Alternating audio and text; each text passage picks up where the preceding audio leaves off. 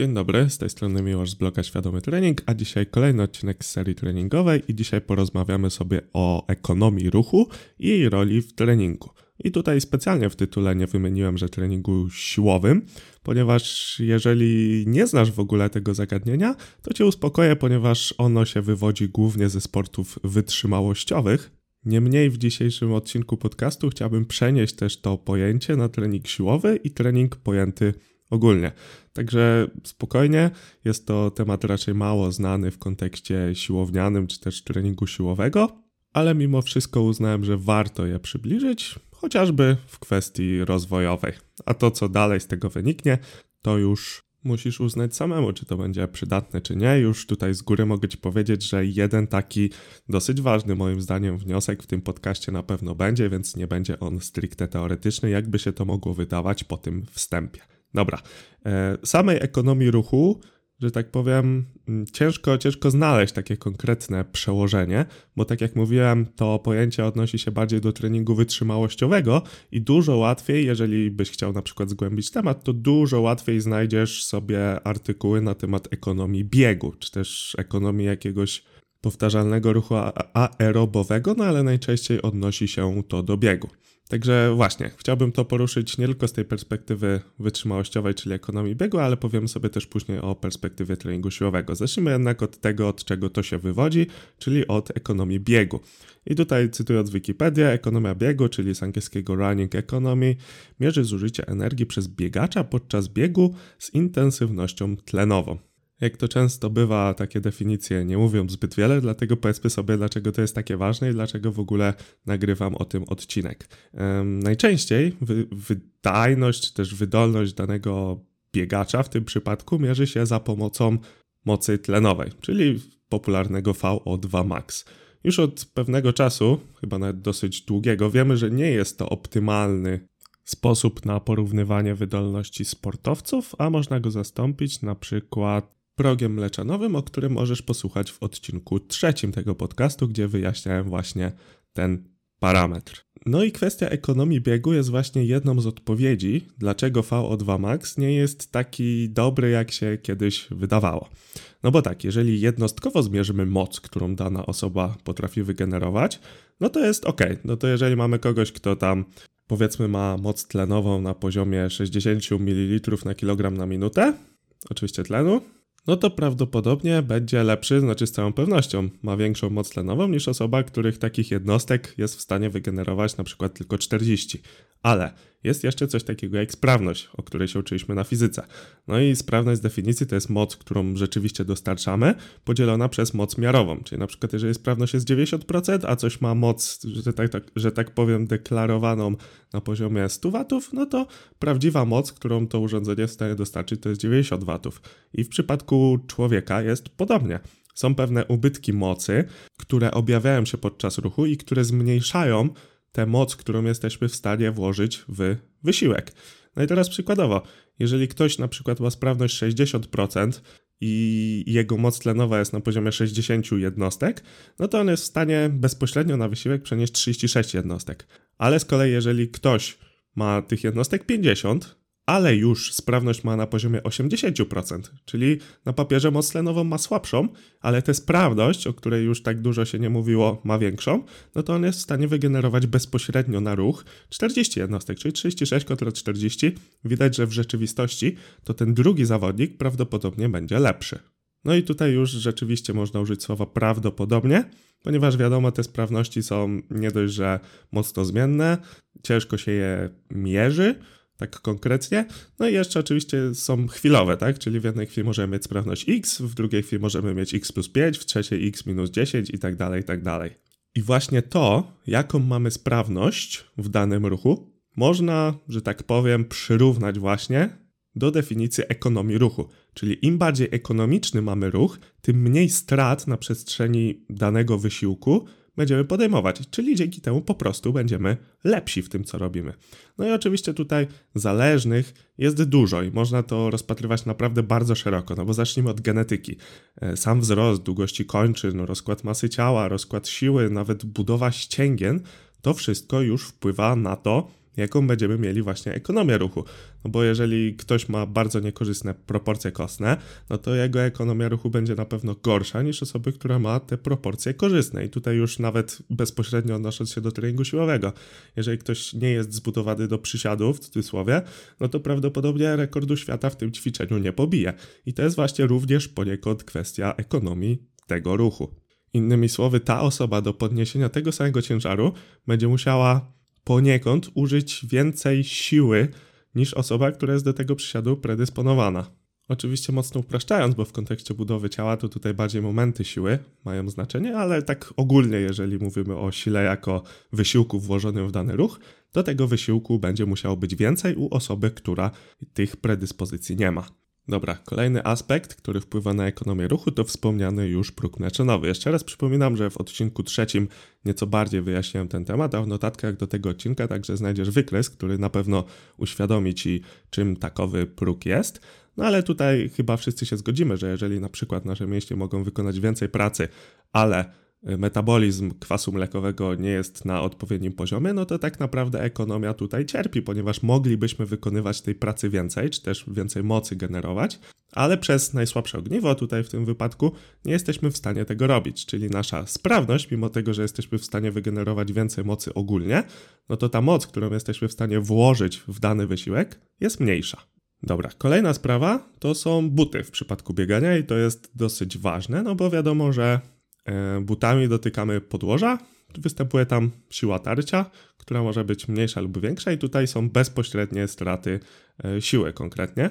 I swoją drogą kilka lat temu, jeżeli dobrze pamiętam, to był taki eksperyment właśnie, że chcieli pobić rekord świata w maratonie i skupili się na dobrym projektowaniu butów. Nie pamiętam jak to dokładnie było, ale właśnie chyba od tego momentu bardziej zainteresowano się tym tym aspektem ekonomii ruchu, czyli żeby jak najmniej strat było przy każdym kroku. No bo powiedzmy sobie jeszcze, że jeżeli ktoś biegnie na 100 metrów, no to jeżeli popełni mały błąd w każdym kroku, no to przełożenie na końcowy wynik będzie no niewielkie. Wiadomo, w biegu na 100 metrów tam każda na sekundy może się liczyć, ale w kontekście tego, że robimy tam tych kroków, no nie za dużo, nie wiem, na 100 metrów to ile może być kroków? 70 może? E, coś takiego. No to w przypadku biegu na 100 metrów powtórzymy ten błąd 70 razy. A jeżeli biegniemy maraton, no to ten błąd popełnimy już 42 tysiące razy mniej więcej, bo tam krok jest na pewno trochę krótszy niż w sprincie. W sumie może nie powinienem używać słowa na pewno, bo ekspertem od biegania nie jestem, ale tak mi się wydaje, że w maratonie raczej mniejsze kroki robimy niż w sprincie.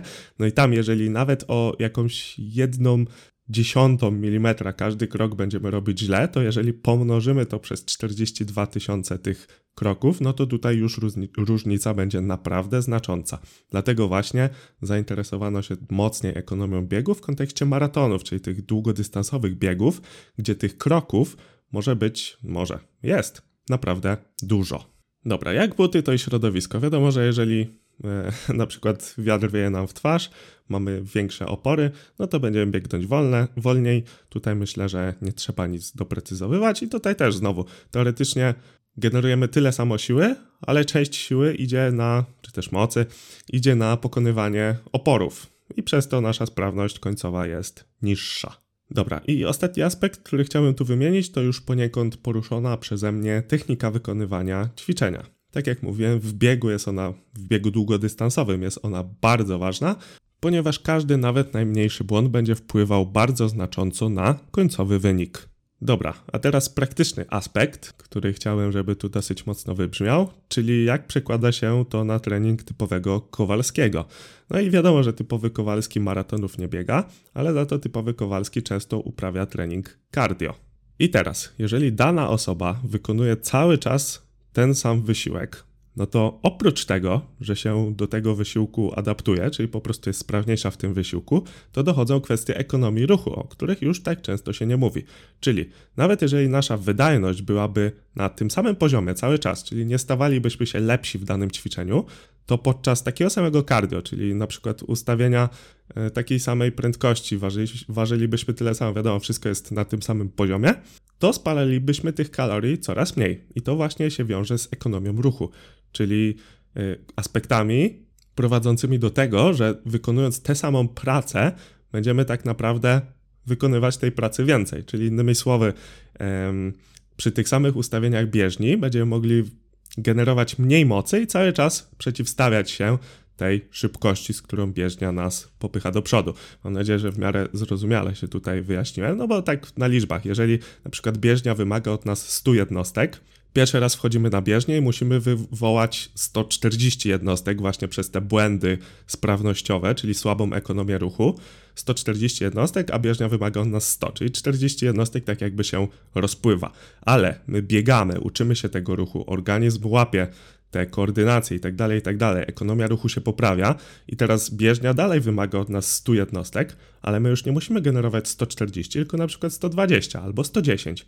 I przez to, że my musimy wykonać mniejszą pracę, wygenerować mniejszą moc, to tych kalorii będziemy spalać coraz mniej. I teraz pewnie nadchodzi Cię pytanie, jak tego uniknąć. I tutaj dosyć proste jest rozwiązanie, no bo jeżeli ktoś nie specjalizuje się w danej dziedzinie, czyli na przykład jeżeli ktoś po prostu biega na bieżni, żeby spalić trochę kalorii i nie wiąże z tym przyszłości, nie chce, nie wiem, biegać, nie chce być jakiś dobry w bieganiu, to tutaj fajną strategią jest zmienianie co jakiś czas tych treningów aerobowych. No bo wiadomo, obciążenia, czytaj coraz szybsza bieżnia, na przykład kąt do góry i tak dalej, no to można dodawać, ale nie w nieskończoność. Jeżeli to już będzie się robić, że tak powiem, ciężkie, ciężko będzie powiedzmy progresować w tym treningu aerobowym, to fajnie może się sprawdzić zmiana tego ćwiczenia na inne.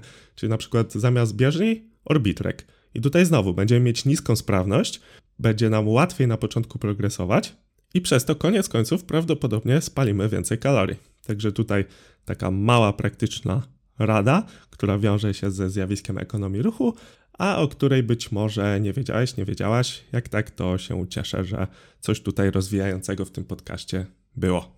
Dobra, a teraz przejdźmy sobie do treningu siłowego. I teraz, no mocno myślałem, jak to przełożyć na trening siłowy i doszedłem do wniosku, że trzeba to rozpatrywać w dwóch płaszczyznach, czyli trening na wiele powtórzeń i trening na jedno powtórzenie, czyli rekord. Jeżeli byśmy rozpatrywali ekonomię ruchu w kontekście wykonywania wielu powtórzeń, to myślę, że tutaj można bardzo prostolinijnie przełożyć trening aerobowy na trening siłowy, ponieważ tutaj też mamy powtórzenia i tutaj też możemy sobie przyjąć, że jeżeli każde powtórzenie będziemy wykonywać z mniejszymi stratami, to tych powtórzeń koniec końców wykonamy więcej. Oczywiście, żeby tutaj poprawić w siłowym ekonomię, no to musimy po pierwsze robić z dobrą techniką, a po drugie praktykować tę technikę, czyli ogólnie te same kwestie, które są poruszane przy tym, jak budować siłę, konkretnie adaptacje nerwowe. No bo jakby pomyśleć, to w sumie trochę się zazębia, tak? Jeżeli będziemy mieli mniejsze straty, no to koniec końców będziemy mogli więcej na tę sztangę wrzucić, także tutaj kwestie budowy siły można jak najbardziej pod ekonomię ruchu podciągnąć. Dobra, a teraz kwestia jednego maksymalnego powtórzenia, czyli bicia rekordu. I tutaj jakby pomyśleć, to sprawa ma się nieco inaczej. Ponieważ no, jeżeli chcemy przenieść ciężar z punktu A do punktu B, no to w teorii wydawać by się mogło, że to będzie linia prosta. E, no i tutaj nie do końca, jak wiemy, w linii prostej zawsze chcemy wykonywać ćwiczenia, no bo na przykład wyciskanie tutaj będzie mm, krzywy tor ruchu, najbardziej optymalny. I teraz trzeba sobie wziąć pod uwagę, że Ekonomia ruchu tutaj będzie się sprowadzać do tego, żeby wykorzystywać najsilniejsze w danym momencie pozycje. Czyli nie ogólnie, że z punktu A do punktu B najłatwiej jest się przemieścić po linii prostej i to jeszcze najlepiej prostej prostopadłej do Ziemi, czyli równoległej z siłą grawitacji, no wtedy wyciskanie gilotynowe by nam wyszło w kontekście wyciskania leżąc, więc tutaj w tym przypadku nie jest to prawda, ale chcę wykorzystać najsilniejsze pozycje w danym momencie. I tutaj myślę, że przy okazji jeszcze dochodzimy do tematu techniki podczas maksowania, która wcale nie musi być tak bardzo idealna jak podczas klasycznych powtórzeń. No bo kiedy podchodzimy pod rekord, to naszym głównym zadaniem jest wyciśnięcie jak największego ciężaru, a nie wykonanie tego w sposób techniczny.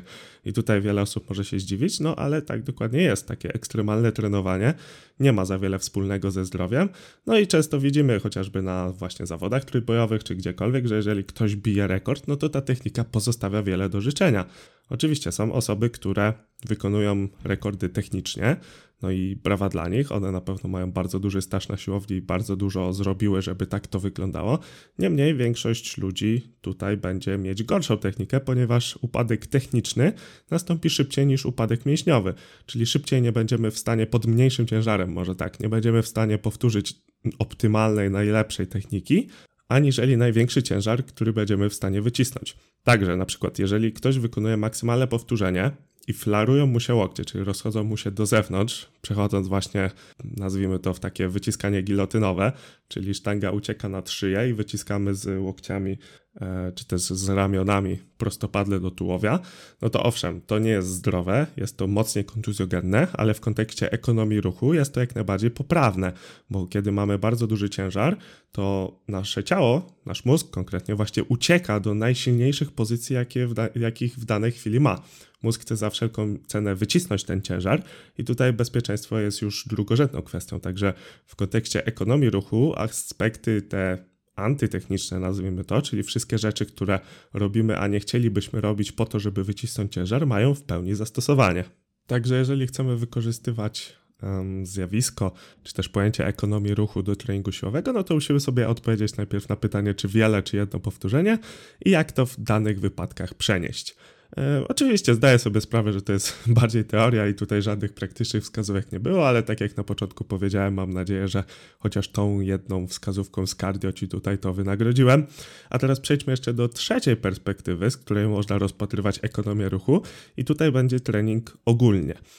No bo tak, my tak naprawdę jako trenujący nie chcemy trenować. My chcemy być coraz lepsi w tym, co robimy, oczywiście. Więc chcemy jak najmniejszym kosztem wywołać jak największy efekt. I tutaj również z powodzeniem można wykorzystać pojęcie ekonomii ruchu.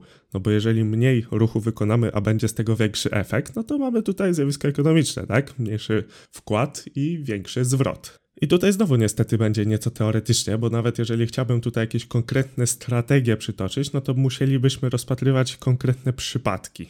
No bo jak wiadomo, to jak będziemy układać trening zależy w głównej mierze od naszego celu. No i chcieliby, chcielibyśmy, żeby te ćwiczenia nas w jak najbardziej optymalny sposób przybliżały do tego naszego wyniku, który chcemy osiągnąć. No bo przykładowo, jeżeli ktoś chce wyżej skakać i to jest jego jedyny cel treningowy, tak, no to być może nie potrzebuje trzech różnych ćwiczeń izolacji na biceps, a może samo podciąganie, które tam wykonuje jako akcesorium, już wystarczy. Także tutaj zawsze przy tworzeniu planów treningowych trzeba się zastanowić, czy to, co wpisujemy, może inaczej, jaki ma cel to, co wpisujemy i czy przypadkiem nie da się tego zrobić lepiej. To jest może tutaj troszkę praktyczniejsza wskazówka kontekście właśnie ekonomii ruchu, o której był dzisiejszy odcinek i to wszystko, co dzisiaj dla Ciebie przygotowałem. Mam nadzieję, że nieco przybliżyłem to zagadnienie i że odcinek był, no w sumie może nie tyle przydatny, co już któryś raz powtarzam, co rozwijający, no bo dużo konkretów tu nie było. No a może właśnie ta kwestia y, zmiany aktywności podczas cardio jest czymś, co może Ci się na co dzień przydać. Dobra, i na koniec klasycznie zachęcam Cię do podzielenia się tym odcinkiem z innymi, a jeżeli cenisz to, co robię, do postawienia mi wirtualnej kawy, możesz to zrobić pod adresem świadomytrening.pl kawa. Jeżeli masz do mnie jakiekolwiek pytania, to napisz na Instagramie albo pod adres kontakt małpa. Wszystkie adresy oczywiście bez polskich znaków, czyli przez S. Mówił Miłosz Kudlarek i słyszymy się w następnym podcaście. Dzięki.